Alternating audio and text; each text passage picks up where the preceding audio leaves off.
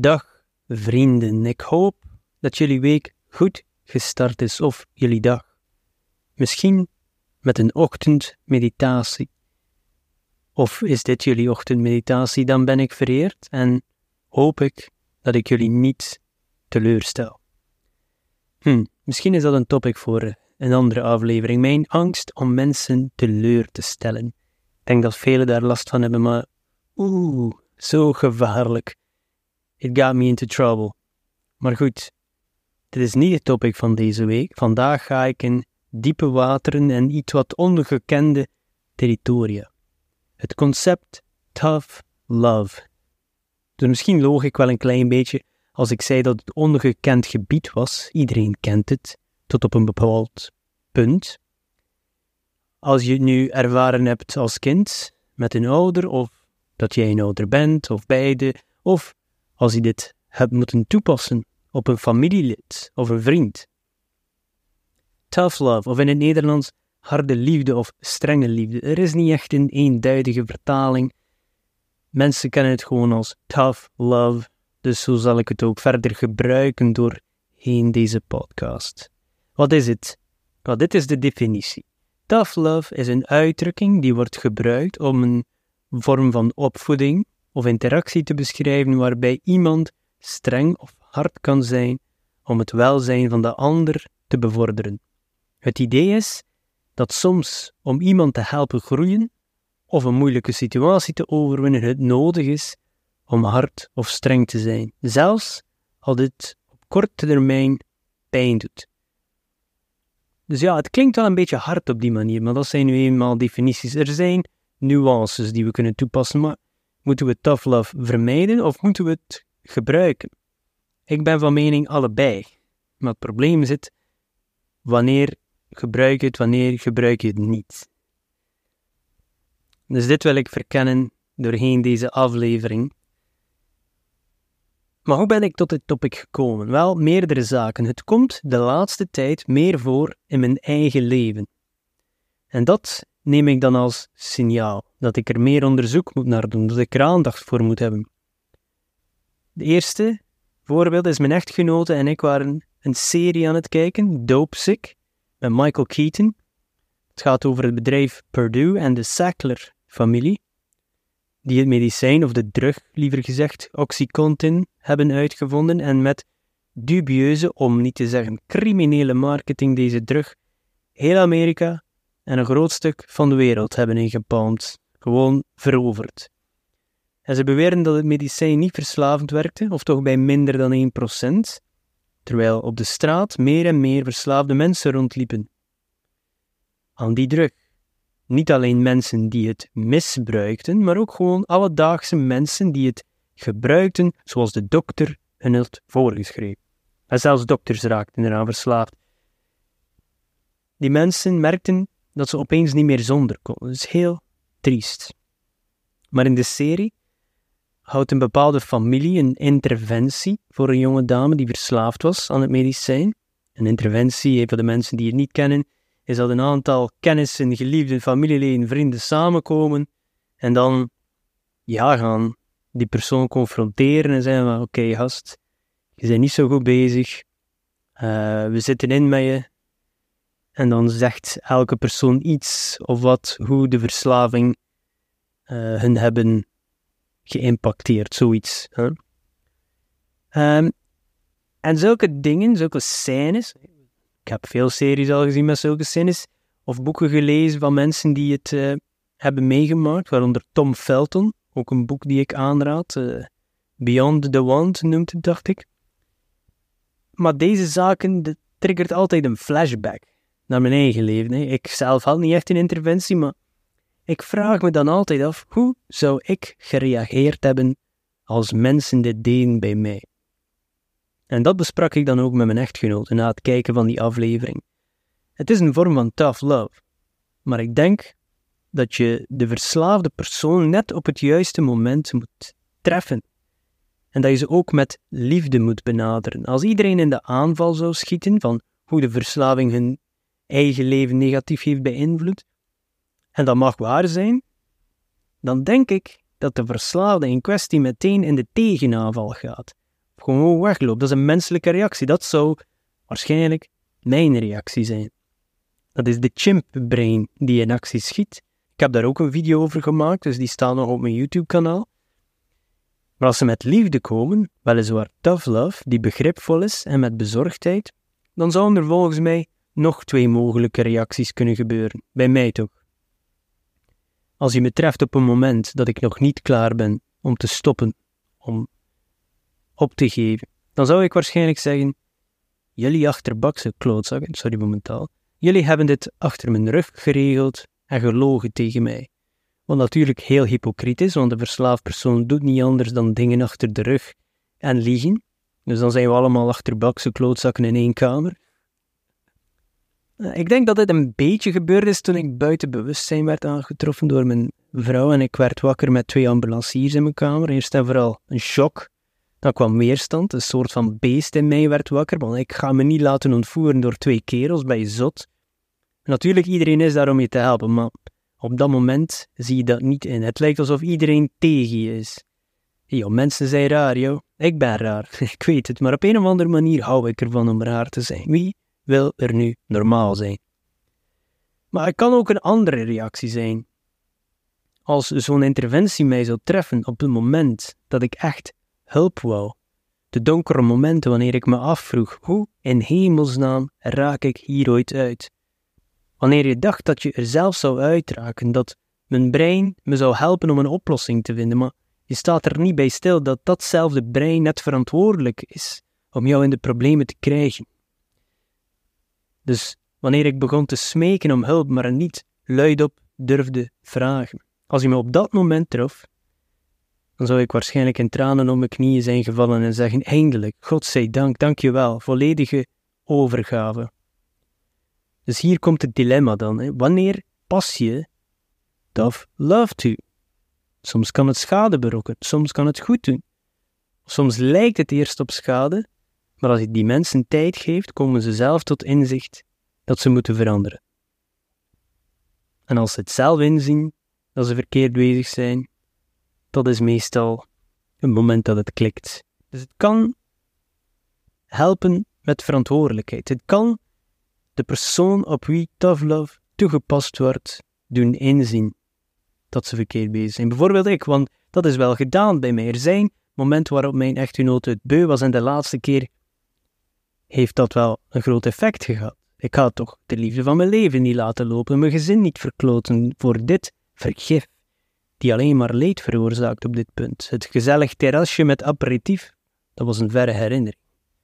We were far past that stage.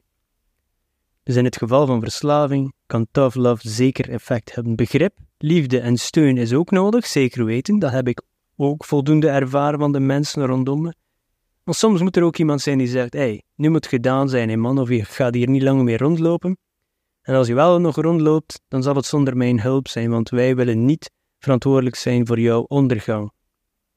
En het hoeft niet enkel bij verslaving te zijn, maar elk soort gedrag die schadelijk is, is dat nu bij vrienden of familie, dan komt tough love van pas. Maar dan komt tough love bij mij ook nog op een andere manier in mijn leven.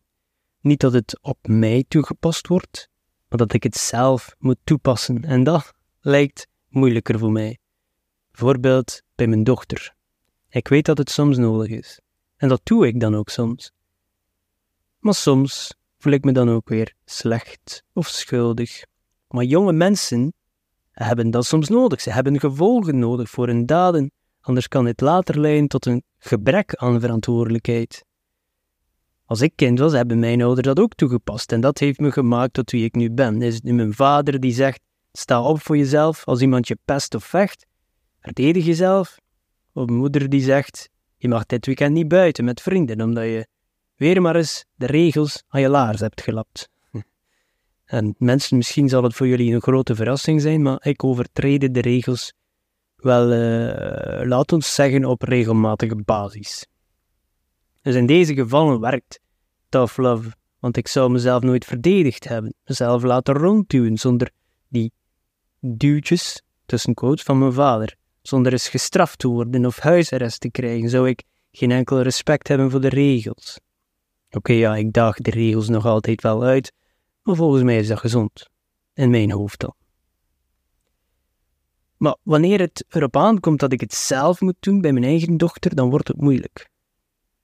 Ik kan het, maar de vraag is: wanneer is het juiste moment? Of misschien denk ik er gewoon te veel over na, dat kan ook zijn. Maar er zijn wel al heel veel studies gedaan naar dit onderwerp. Er zijn studies die suggereren dat een zekere mate van discipline, grenzen stellen en consequenties hebben, voordelen kan hebben voor de ontwikkeling van kinderen. Dit kan helpen verantwoordelijkheid te leren, zoals ik zei, zelfdiscipline te ontwikkelen en de gevolgen van hun acties te begrijpen. Maar echter, er is een verschil tussen het stellen van grenzen en het overdreven streng zijn. Het is die balans waar ik naar op zoek ben. Ik weet dat mijn dochter een aantal keer moet vallen om de vaardigheid aan te leren om op te blijven staan. Maar het blijft een moeilijke voor mij.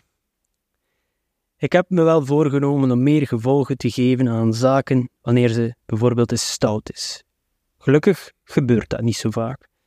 Maar in het verleden geef ik bijvoorbeeld een straf, maar we blijven dat dan niet volhouden. Als je zegt geen tv deze avond of geen iPad, dan moet je het de hele avond volhouden en niet na een uur zeggen: Allee, hier, doe toch maar. Ik weet dat heel veel ouders hiermee sukkelen en dit is ook soms voor gemak. Als je dan hè, een, eh, een, kind hebt die tien keer om een iPad vraagt, dan zeg je elke keer: Weet je wat, ik wil ook een rustige avond. Pak die tablet mee en zweeg. hey, I'm just saying it like it is.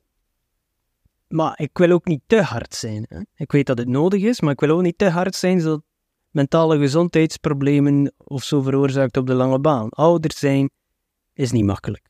Je bent verantwoordelijk voor het leven van een ander mens.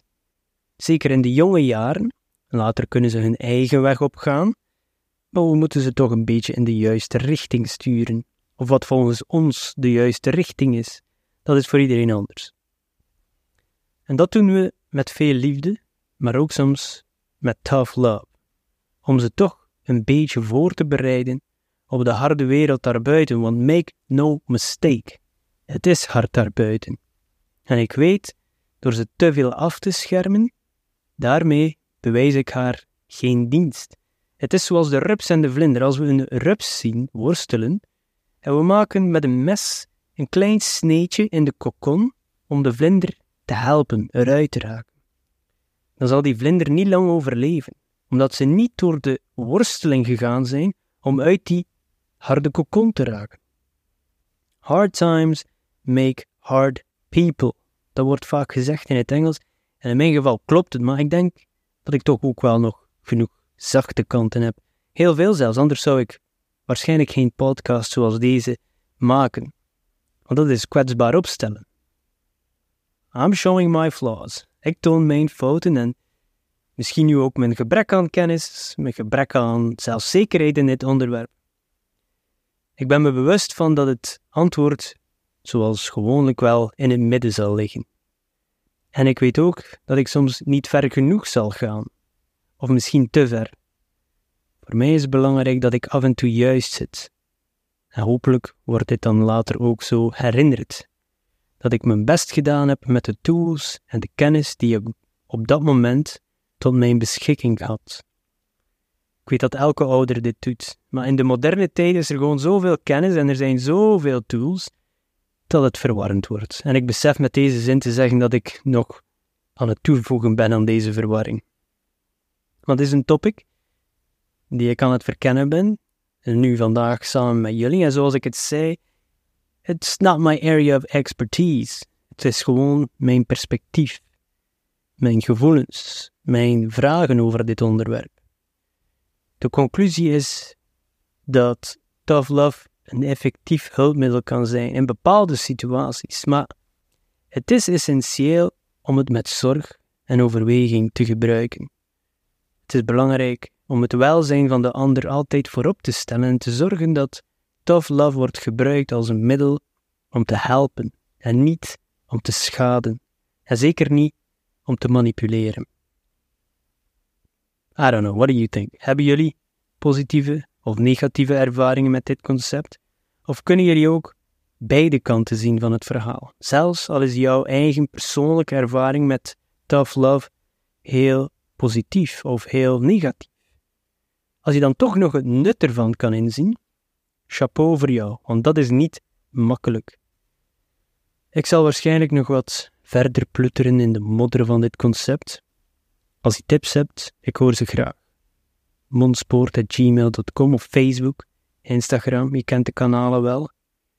Ik krijg af en toe hele leuke en positieve berichten op verschillende platformen over mijn podcast en over mijn video's en dat is echt hartverwarmend. Ik weet dat ik het niet altijd juist heb of op de goede manier verwoord, maar het is ongelooflijk hoeveel liefde ik al mocht ontvangen van mensen die zich herkennen in bepaalde onderwerpen of een bepaald inzicht gekregen hebben door één iets die ik zei, die hun helpt in het dagelijks leven. Nogmaals, ik heb geen officiële training, ik heb geen diploma aan de muur hangen, alleen de training die de straat mij gegeven heeft in mijn jeugd, in de tijd dat de jeugd nog buiten ging, en de training die het leven mij gegeven heeft.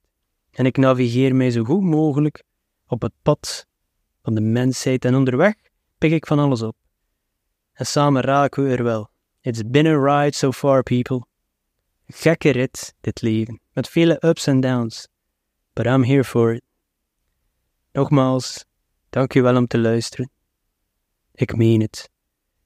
Tot volgende week oefen niet te veel tough love uit op jezelf met de nadruk op te. Ciao.